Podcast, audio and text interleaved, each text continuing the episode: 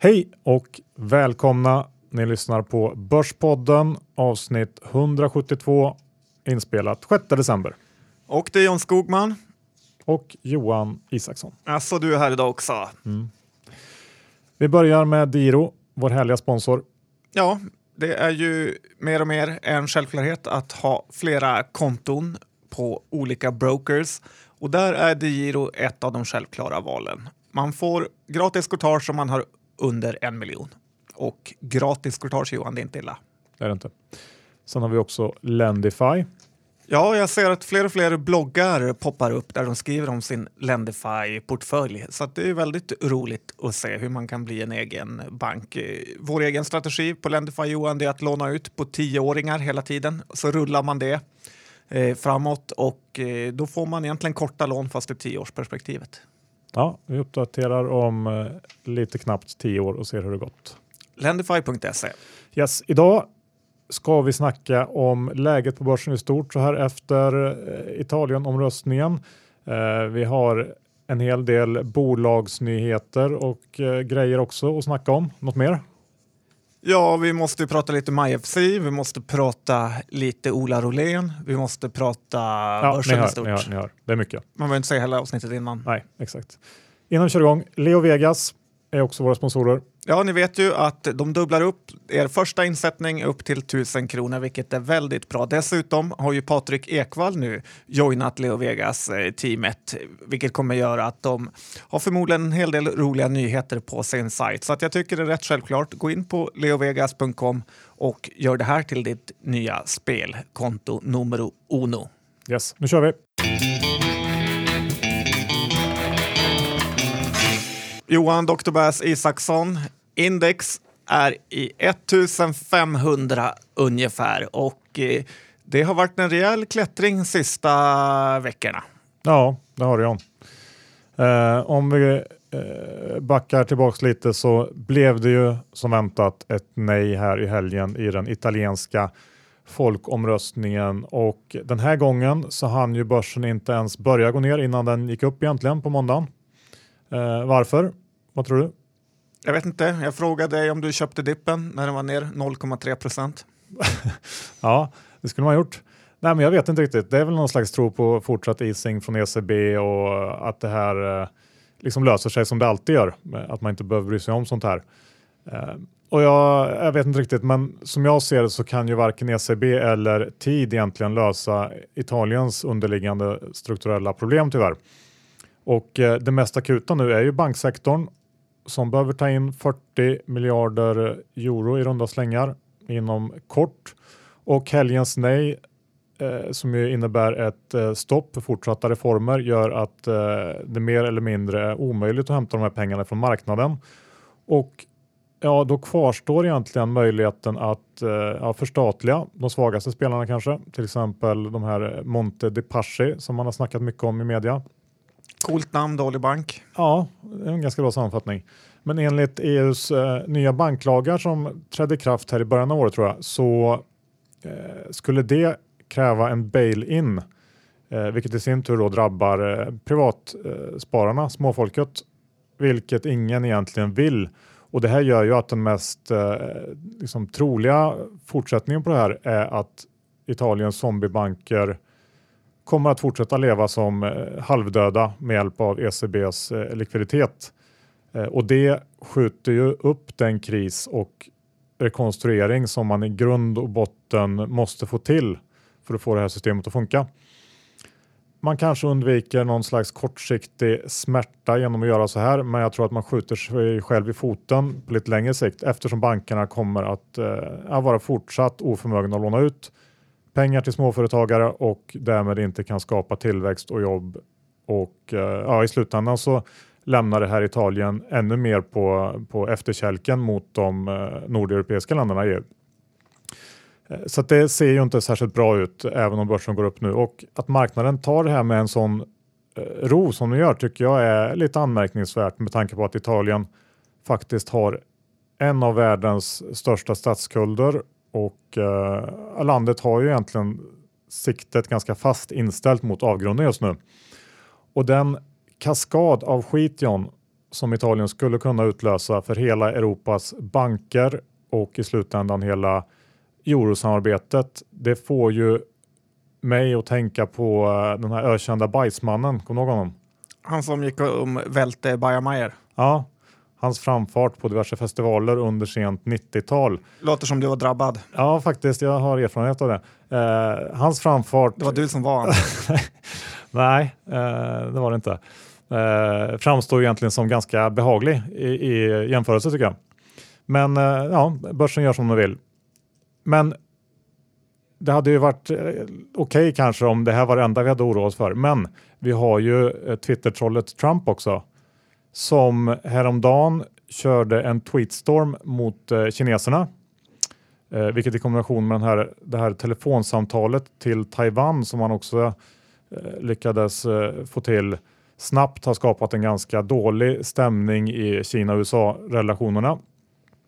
Och han var också ute på Twitter och lovade att den här 35-procentiga skatten på eh, varor från Mexiko som man pratat om i kampanjen, den ska bli verklighet. Eh, det känns lite som att Johan Karlström är president tycker jag. Ja, och eh, det behöver inte vara det sämsta med tanke på hur Fingerprint har gått Johan. Lite känner jag också, det ena är vad gällande Italien är att de har ett väldigt, väldigt litet eh, börsvärde för vad gäller hela världen. Det är till och med mindre än Sveriges när man tar totala börsvärden mot varandra. Och sen kan ju världen behöva en liten omskakning via Trump. Han lovar ju att drain the swamp och eh, ja, det är väl precis så här man ska göra då. Ja, ja vi får se. Men, men som jag ser på börsen i stort nu så prisar den egentligen in att både alla Europas problem och att Trump som president kommer att gå mer eller mindre felfritt utan några som helst problem. Och eh, ja, inte bara det egentligen, utan man kan väl också se det som att börsen egentligen prisar in att det här ska skicka iväg världsekonomin i, in i en slags, ny slags tillväxtresa. Och ja, det kan väl ske kanske, men uh, vi är ju redan priced for perfection mer eller mindre och det är så mycket som ska gå rätt och så lite som får gå fel egentligen. Så att um, ja, fortsättning följer, men jag är ytterst tveksam John. Ja, jag kan hålla med att det är lite läskigt hur börsen har blivit nyhåsad efter nio år. Att det är nu det ska vända på riktigt eh, när det kanske blir precis eh, tvärtom. Det är ju när man minst tror det det sker. Ja, så är det. Och det alla väntar på nu och tror ska ske, det är ju decemberrallyt. Ja, precis. Eh, Eller julenisserallyt som Syding säger. Julenisserallyt, det känns ju lite som att det är inställt i många av de mindre bolagen i alla fall. Det är väldigt dött där medan eh, bolag som Atlas Copco, Boliden och så vidare går eh, i full fart. här tycker jag ju att man redan nu kan börja kika ut ett gäng bolag som man är lite intresserad på för att eh, köpa in sig då här i sista dagarna av året för att se om vi får en liten rebound i kursförlorarna eh, framåt eh, januari. Ja, och då tänker du att man ska rikta sig in sig på bolag som gått dåligt och som eh, kanske kan återhämta lite av det. Ja, det är ju någon magisk effekt med att de sämsta bolagen för eh, det året som är innevarande brukar gå jättebra i början på nästa år av olika skatteeffekter och ja, ingen vet egentligen varför. Nej, vi kanske ska skrapa fram ett gäng sådana inför nästa avsnitt. Um, men det som talar kanske lite emot det här också, det är väl att uh, till exempel så känns det som att IPO-marknaden börjar svalna lite grann. Vi får lite sådana signaler tycker jag nu när man tittar på de senaste nyintroduktionerna. Ja, så är det ju. Och eh, vi har ju haft eh, ett bolag, Scandinavian Chemotech, eller Chemotech, hur man uttalar det, som kom in på börsen och den var övertecknad sex gånger. Aktien handlades en kort stund över introkursen på 60 och eh, sen föll den tillbaka ganska kraftigt. Det känns lite som att marknaden börjar ledsna på de här projektcancerbolagen från Lund. Och eh, en trist grej som följer med det här är ju att alla de här biotechbolagen som har kommit till börsen kommer ju bränna enorma mängder pengar de kommande åren och eh, nästan inget av dem kommer lyckas. Det positiva är ju att de som kommer lyckas kommer ju att eh, man blir rikligt eh, belönad för. Men det är väldigt svårt att eh, hitta vinnarna i den här marknaden. Ja, har vi något, eh, något mer exempel? Ja, vi har ju det här SmartEye-bolaget som ja, nämnde var säkra pengar och eh, säkra pengar var det. Det var ju en no-brainer att teckna och eh, Problemet var väl mer att man skulle få några aktier. Aktien gick in på 46 kronor och nu handlas den kring 65 kronors nivån. Så att eh, ja, i det här läget är det omöjligt att säga köp eller sälj, men det var bra att teckna. Ja, det var väl helt okej. Okay. Men, men sen så har vi också hört att det har börjat med eh, förhandel av eh, bolag som är på väg in på börsen på diverse forum, Facebook-forum till exempel. Ja, det tycker du väl inte låter toppish? Som, som jag förstår det så handlar det alltså om att folk som har blivit tilldelade aktier i eh, bolag som är på väg in eh, ja, marknadsför de här då på forum, till exempel som det här forumet. Det finns något som heter Börsraketen tror jag på Facebook och då har man alltså möjlighet att köpa in sig eh, såklart till en premie då, men eh, förhoppningsvis till en lägre premie än, än vad den i slutändan kommer att börja handlas på. Det där känns ju ofattbart eh, eh toppish tycker jag. Ja, jag undrar ens om det är möjligt att göra de där transaktionerna innan. Men det är kul att alla försöker få sig en liten eh, extra hacka. Ja, så är det. Och sammanfattningsvis kan man säga också nu när det har varit så fruktansvärt många äh, bolag som har gått in och vi har även haft ganska mycket placings um, så gör ju det att det suger åt sig en hel del likviditet och um, ja, det, det, i sig kan ju göra att det, det i alla fall kortsiktigt tar lite stopp här. Vi får se. Vi går över till mobbarna på Svenska Dagbladet John. Ja, det kan man verkligen kalla dem och nu har de gett sig på Ola Rolén på heltid. Dag efter dag skriver de negativa artiklar om honom. De granskar honom, hans familj och det är precis det här som gör att gammelmedia har spelat ut sin roll. De förstår inte att ingen är intresserade av journalisternas egna grävarlust i andra personers privatliv. Att Ola har satt upp ett bolag på Cypern för att det är bra, eh, en bra skattekonstruktion när man bor i United Kingdom, det är väl ingenting som intresserar gemene man. Sen kör de alltid såna här små onda nyp med att säger en analytiker som vill vara anonym. Och eh, det kan ju vara Benke på Mangold eh, som de har pratat med har man ingenting att skriva så behöver man inte skriva något alls istället för att köra de här äh, design-liknande personangreppen vecka efter vecka. Och eh, om Ola Rolén skulle bli friad och det här skulle läggas ner så är det väldigt många som ska säga förlåt eh, till honom. En annan grej är det här med att ska välbetalda vd verkligen hålla på med affärer utanför sitt bolag? Och ja, det tycker jag självklart. Varför ska de inte det?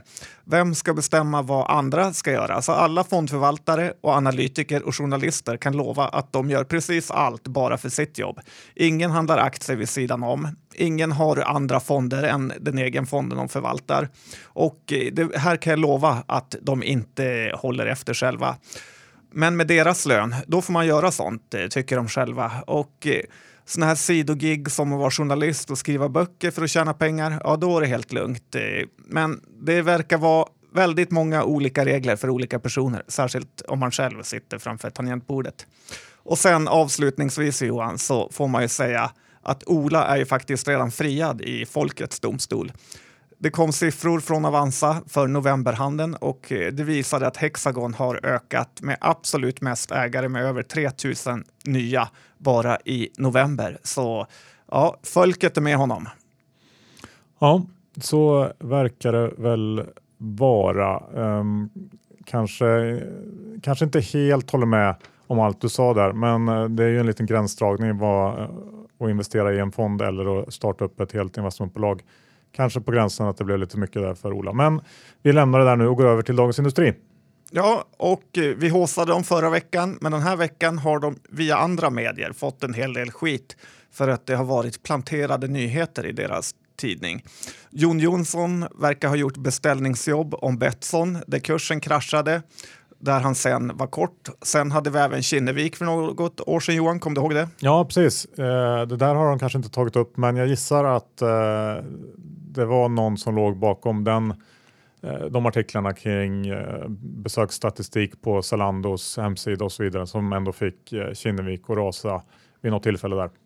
Nu senast i FN så såg jag den här norska killen på Odin Fonder och förvaltaren från Strand insinuera att blankarna hade via Dagens Industri inlett en attack mot den här Intrum-affären. Och det var rätt kul att lyssna på det här småspararsnacket även från fondförvaltare Johan. Ja, intressant att försöker följa spelet bakom kulisserna. Sen har vi ju Affärsvärlden-fonden. Ja, de var ute och håsade sig själv igår igen. De skickade ett pressmeddelande om att de hade nått eh, tvåsiffrig avkastning i år. Och eh, då tänker man wow Johan, men hur hög tvåsiffrig avkastning tror du att de hade Johan? Jag vet inte, 10 procent kanske? Ja, det var exakt 10,0 procent. Så mellan 99,9 och 10 procent så har man nått tvåsiffrig avkastning. Så då tänkte man att man skulle slå på stora trumman. Inget eh, vilseledande alls där inte. Sen skrev de att de var topp 9 i Sverige och eh, i min bok Johan, då skryter du inte om du är topp 9 gällande Sverigefonder i mikrolandet vi bor i. I USA säger man att second place är first loser, men på Affärsvärldens redaktion verkar man säga att ninth place is first winner. Johan. Ja, ja, men eh, man, får, man får göra som man vill. Ja, 10 procent är ändå alltid 10 procent. Ja, det är inget fel med det. Eh, vi går över till Fortnox. Olof Hallrup som är största ägare sålde igår 2 miljoner aktier motsvarande 14 procent av hans innehav på lite drygt 31 kronor. Eh, kan man ju inte klandra honom för egentligen. Eh, och det här fick mig att tänka på att vi har faktiskt träffat eh, två nya konkurrenter till Fortnox, Fortnox Eh, nyligen som eh, just nu kanske inte utgör så jättestort hot men som inom några år antagligen kommer att bli ganska jobbiga. Jag tänker på Vint och Doer som bägge satsar på att digitalisera och eh, automatisera bokföringsprocessen på riktigt så att eh, kunden slipper det jobbiga som man faktiskt ändå måste göra om man till exempel kör Fortnox och eh, ja, egentligen bara då kan eh, fota kvitton och godkänna fakturor. Väldigt spännande bolag bägge två och eh, blir intressant att följa eh, utvecklingen i den där eh, nischen så att säga för att det händer ganska mycket där. Ja, jakten och försöka döda bokföringskillen eller tjejen fortsätter. Ja, så är det. Amazon måste vi också prata om idag eftersom att de lanserade ett nytt koncept i dagarna, Amazon Go. Det här går ut på att du egentligen bara går in i din eller en butik, plockar på dig det du vill ha, går ut och allt dras från ett kort som du har registrerat eh, hos Amazon och det sker helt eh, automatiskt och det finns olika sensorer som läser av vad du plockar med dig och så vidare. Ungefär så som man har tänkt att det borde gå till. Eh, nu är väl det här bara i försöksstadiet. Jag såg att de hade någon butik eh, som körde det här, och, och men Eh, känns ju helt klart som att det är någonting som Itab kanske får titta lite på och fundera över. Ja, den här Amazon-modellen känns ju ungefär hundra gånger bättre än Itabs röntgenmaskin som man ska köra alla varor i, som dessutom efter så här många år ännu inte fått något eh, riktigt eh, genomslag. Itabs vd var ute och snackade och han sa att det här var jättebra för affären för att det skulle höja intresset för hela självutcheckningsmarknaden och eh, branschen. Eh, jag tror att det var en ganska stor lögn utan han ägnade nog hela natten till att grina i sin kudde där. Ja, han valde att se det från den positiva sidan. Eh, det kanske inte är tipptopp för Pricer heller, eh, sådär spontant känner jag. Men vi får se. Nej, Pricer är ju ett stort eh, floppande bolag. Jag såg på Coop forum på Bromma Blocks så tejpar de nu över Pricers etiketter med vanliga pappersklisteretiketter. Så att jättenöjda kan de nog inte vara. Nej. Och du, när vi ändå är inne på Amazon, vet du hur stor del av eh, nätshoppingen i USA som Amazon snodde åt sig under den här cyberhelgen som vi precis haft? Nej Johan, faktiskt inte en gissning. Nej, 31 procent. Det är ju helt eh, galet egentligen att man kan ha en så dominerande ställning. Vår eh, sponsor Neckware.se kanske inte riktigt nådde samma marknadsandel här hemma, men nu har vi ordnat fram en riktigt bra deal för våra lyssnare.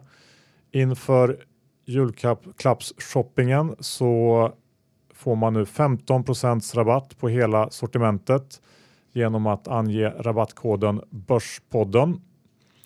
Eh, det är ju bara att gå in och testa. De har grym service, fri frakt och eh, ja, eh, väldigt mycket snygga grejer. Neckwear.se. Och koden var? Börspodden. 15% rabatt. Mycket bra.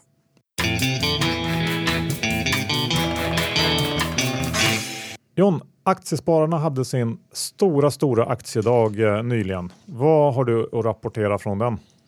Ja, vi pratade lite om den förra veckan med, men nu har eh, jag tittat igenom lite fler bolagspresentationer och det är väldigt smart av dem att lägga upp dem på hemsidan så man i efterhand kan se de här presentationerna eh, live eller vad man nu ska säga. Eh, däremot så kan jag nog tycka att de borde steppa upp sina moderatorer lite. De flesta är lite trötta och sega och det blir aldrig något eh, liv i diskussionen. Dessutom så känns de också ganska dåligt eh, pålästa, Johan. Okej, okay, ja, har du något eh, exempel? Ja, jag har ju när Aktiespararnas Gunnar Ek träffade Cloettas IR-person så lät det så här Johan, vill du höra? Ja, jättegärna. Och nu går vi över till Cloetta ett företag som tillverkar något som verkligen är gott. Som, eh, ni har huvudkontor i Malmö numera. Och... Stockholm. Är det det? Absolut. Oh, all right. Då läste jag fel på ett annat ställe. Ja. Men i Ljungsbro har ni den stora tillverkningen i alla fall? Nej. Nej, Nej. Den, den, också den har ändrats? Nej, den största fabriken finns i Slovakien. Ni har flyttat allt, merparten dit? Ja. Nej, då, men det är den största fabriken. Den största, Vi har 13 fabriker runt omkring i Europa. Tuff start. Ja, det var ju inte den starten man vill ha som moderator. Nej, men, men eh, det kan ju hända den bästa. Vad, hur kändes Cloetta då, om du nu tittar vidare på den här presentationen? Ja, frågan om det kan hända den bästa verkligen. Eh, men vad gäller Cloetta så är ju det ett intressant case. De kommer ju ha lite tufft med valutorna kan jag tänka mig.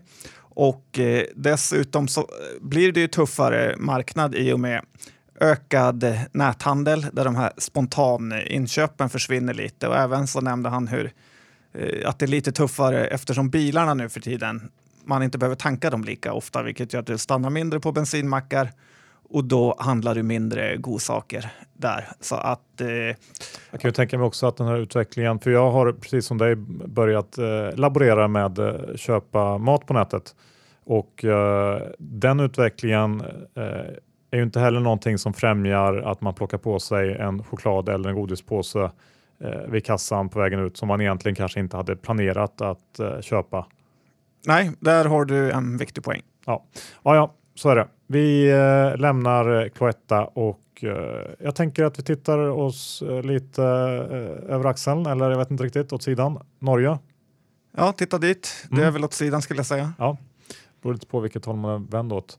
Men i fredags fick ju Norwegian godkänt för ett globalt lufttrafiktillstånd som var väldigt viktigt för dem. De har försökt få det här ganska länge och det här öppnar för eh, nya rutter för Norwegian till USA, Sydamerika, Asien och så vidare. Och det gör att man kan bli mycket mer effektiv och eh, ja, det är helt enkelt en viktig pusselbit för deras framtida tillväxt och även kanske eh, potentiell marginalförbättring eh, framgent. Och eh, aktien har gått upp ungefär 10% sedan det här handlas kring P8 kanske i år och någonstans 6-7 nästa. Och eh, man får ju också med sig 20% av Bank Norwegian eh, i det här bygget. Eh, Buffett köpte nyss lite flygbolag och kanske läge att rygga om man är, tror på det här. Ja, det kan det vara. Däremot är ju den starka dollarn ett riktigt, riktigt härke för i alla fall SAS här på hemmaplan. Visst, så är det. Det finns ju alltid något i den här branschen som pekar åt fel håll. När vi ändå är inne på Norge så tänkte jag också fortsätta med eh, Salaris som jag nämnde i EFN. Även när det gäller det här caset så fick jag ju inte riktigt utveckla mina tankar. Du är för långsam Johan, du måste vara snabbare. Ja, eh, kan bero på det. Men eh, jag tänkte bara lite snabbt eller lite, lite långsammare kanske gå igenom eh, bolaget än vad jag fick göra på EFN jag hann ju säga där att eh, de här är en ledande aktör inom eh, outsourcing av personaladministrativa tjänster, vilket låter ganska tråkigt, men eh, de har en fin ställning här. De har växt väldigt bra sedan start. Jag tror att det är ungefär 20% i snitt per år.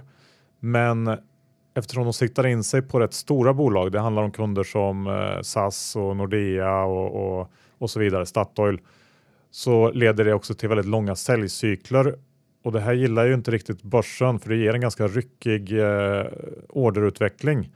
Och aktien har gått dåligt det senaste året på grund av just eh, en dålig eh, orderingång. Få nya stora kontrakt har kommit in.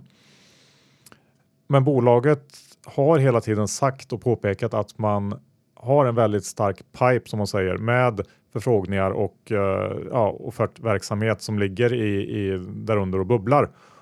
Och jag gissar att uh, man kommer att landa något eller några avtal hyfsat snart. Man borde göra det om man bara tittar till historiken och uh, det erbjudande de har. Och för kunderna så tror jag också att det här är någonting som man kommer att fortsätta vilja lägga ut.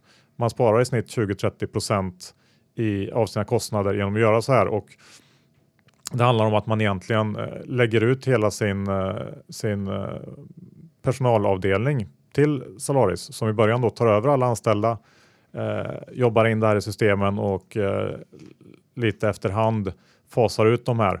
Och till slut så har man då eh, fått ner kostnaderna och man sitter på hela det här bolagets eh, lönehantering egentligen, vilket i sig gör också att, hela, att den här tjänsten är extremt eh, stickig och intäkterna är väldigt återkommande. Jag tror också att eh, det i sig inte behöver vara jättedåligt för Solaris om vi får lite sämre fart i konjunkturen så fokus blir mer på att spara kostnader än att kanske växa.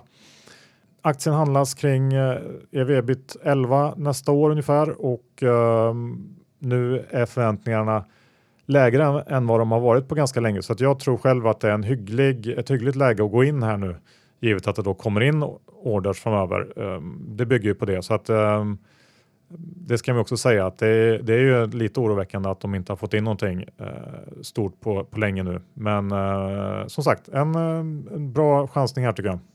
Eller bra läge helt enkelt. Ja, det lät som ett ganska tryggt bolag och lite mindre som en chansning.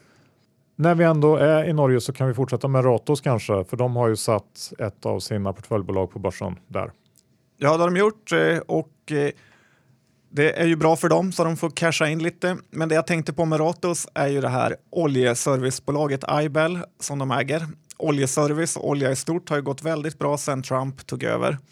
De stora bolagen som till exempel Conoco Philips, Shell har ju vissa dagar gått upp med över 10 procent på en enda börsdag. Och eh, visst, det är mycket tack vare OPEC och deras eh, förmåga att få upp oljepriset. Men aktien har gått upp.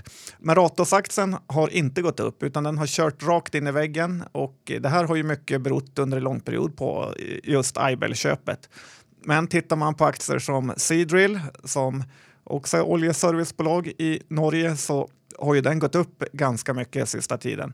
Och får Aibel lite luft under vingarna så kan nog Ratos vara något att ha. Och eh, dessutom har de ju en hel del cash att röra sig med nu efter alla försäljningar. Så ja, värt att kika på i alla fall.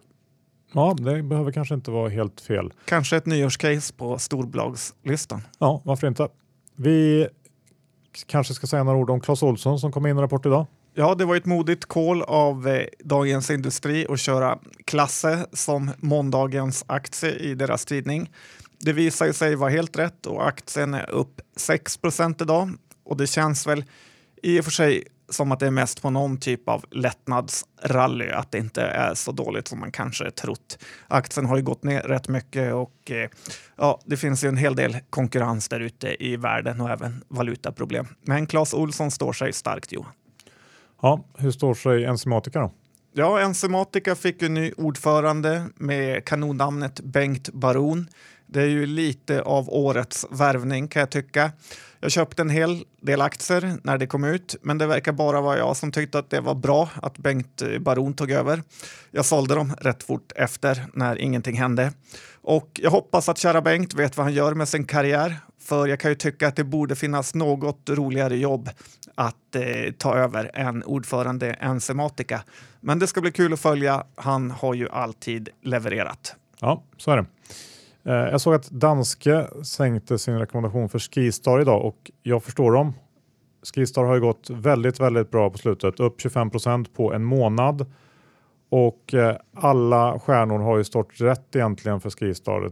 Snön kom tidigt, eh, kronan har varit svag, vilket gör att vi får det svårare och dyrare att åka utomlands och utländska turister får det billigare att komma hit. Win-win för Skistar. Och um, ja, det lär väl bli, de kommer med sin Q1 snart och uh, jag antar att ledningen kommer vara rätt, uh, rätt positiva gällande utsikterna i den. Men efter den här kursrusningen så handlas den till P20 på kommande års prognoser och det känns ju som att det är fullvärderat helt enkelt. Ja, P20 hade ju varit dyrt på gamla goda. Nu är det väl mer mediokert. Mm, så kanske man kan säga. Men äh, ja, det, den har nog gjort sitt lite grann för, för den här säsongen. Stag då, ett amerikanskt bolag i Sagax anda. Ja, jag brukar ju prata om Sagax en del och då har jag tittat på ett bolag som är lite likt dem, som du sa, har eh, kortnamnet Stag. Eh, de äger och förvaltar industrilokaler i USA, mest på sådana här triple net lease-avtal, vilket innebär att man bara äger fastigheten medan kunden får sköta alla renoveringar och kostnader förknippade med lokalen och uppvärmning och så vidare. och så vidare. Det positiva med Stag jämfört med Sagax är ju att den delar ut ungefär 6 procent eh, och gör det dessutom varje månad. Det är ju lite bäst i den här sektorn även i staterna på grund av räntorna, vart de är på väg. Men det kan ändå vara värt att hålla koll på det här bolaget kan jag tycka Johan. Stag helt enkelt. Stag ja. Um, Kopparbergs kanske vi ska säga några ord om. Ja, men det ska vi alltid göra. Jag var på deras pub, John Smith, Johan. Känner du till den? Ja, där har vi käkat några gånger. Ja, och jag var förbi där på en öl igår efter en företagspresentation och återigen fick jag lite av en chock över hur dåligt det här konceptet är. Det är som en jättedålig blandning av fine dining och Dovas där man inte lyckats med någonting. Och dessutom behöva köpa Sofiero-öl för 52 kronor på fat känns ju som ett hån. Och jag har ju tips till Kopparbergs ledning att gör det ni är bra på och ni är inte bra på pubbar. Du har hakat upp dig lite grann på den här pubgrejen verkar som. Nej, men jag tycker synd om dem att de eh, slösar bort pengar på just det där konceptet. Ja, okej. Okay. Eh, Moberg har det också hänt lite grejer i. Ja, det var en placing idag på 52 kronor som Carnegie och Swedbank gjorde. Det här det mesta i Moberg hänger ju faktiskt på om deras nya produkt kommer att lyckas i mångt och mycket. Och eh, det är kanske lite taskigt, men Moberg är fortfarande ett forskningsbolag där MOB 015 måste lyckas. Och eh, lyckas man med det här så kommer man få sälja sitt egna preparat genom förskrivningar, vilket är mycket bättre än att det bara ligger på hyllan. Det här är ju ett eh, spännande case, men eh, det är ju väldigt eh, risky ändå, även om vissa hoppas att det inte är det.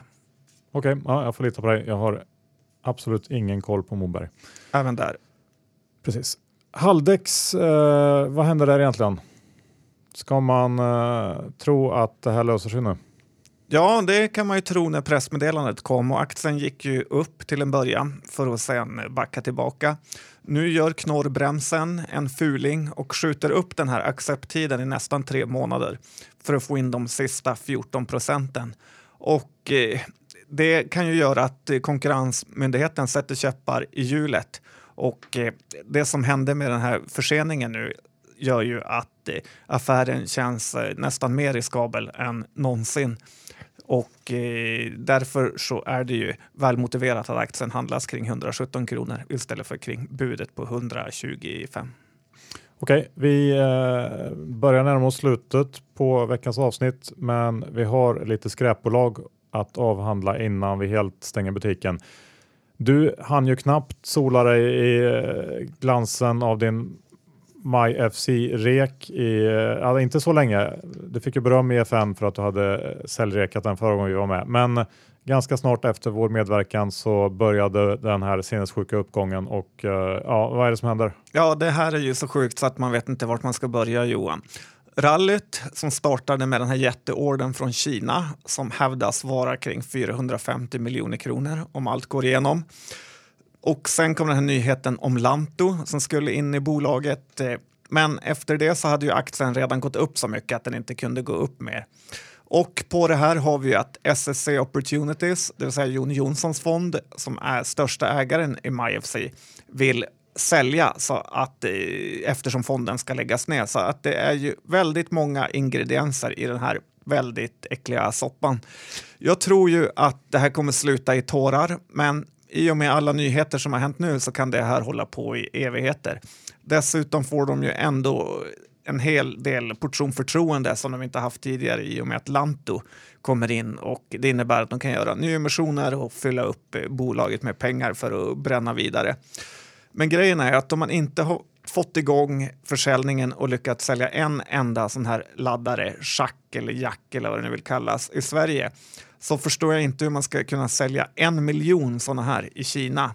Det låter fullständigt eh, orimligt. Att den dessutom kostar ungefär 40 kronor eh, att ha här i Sverige låter ju väldigt dyrt. I månaden va? Ja, precis, i månaden. Men i Kina, 40 kronor i Kina, nu vet jag inte riktigt vad de tjänar där, men det är typ som 400 spänn för en kines. Och en telefon kostar ju ungefär 400 kronor och köpa de här billigaste modellerna.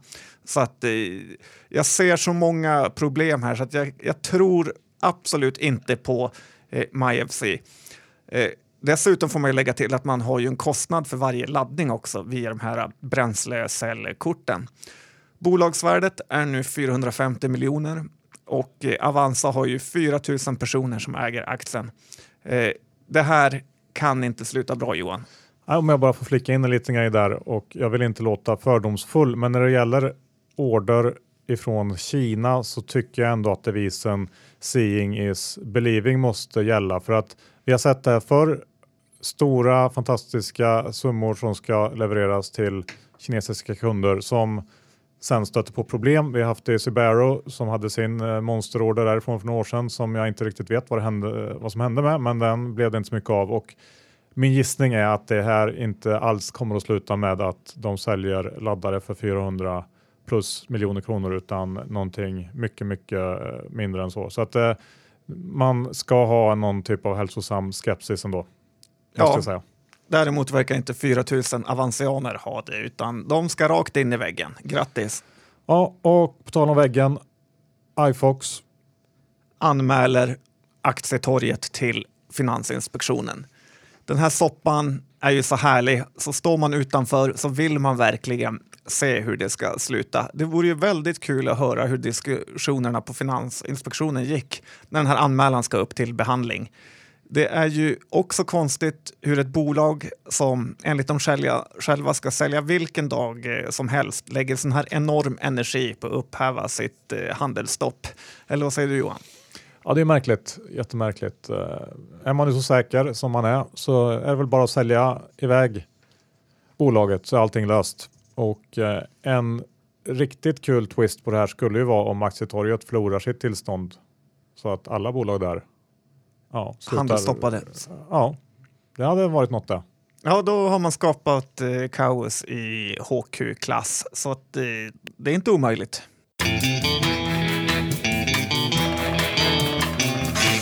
Sådär, tack för att ni lyssnade idag. Avsnitt 172 sponsrat av Diro. Diro ja.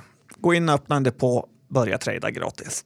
Ja, och vill man inte göra det då har man alltid eh, alternativet att bli en eh, bank själv via lendify.se.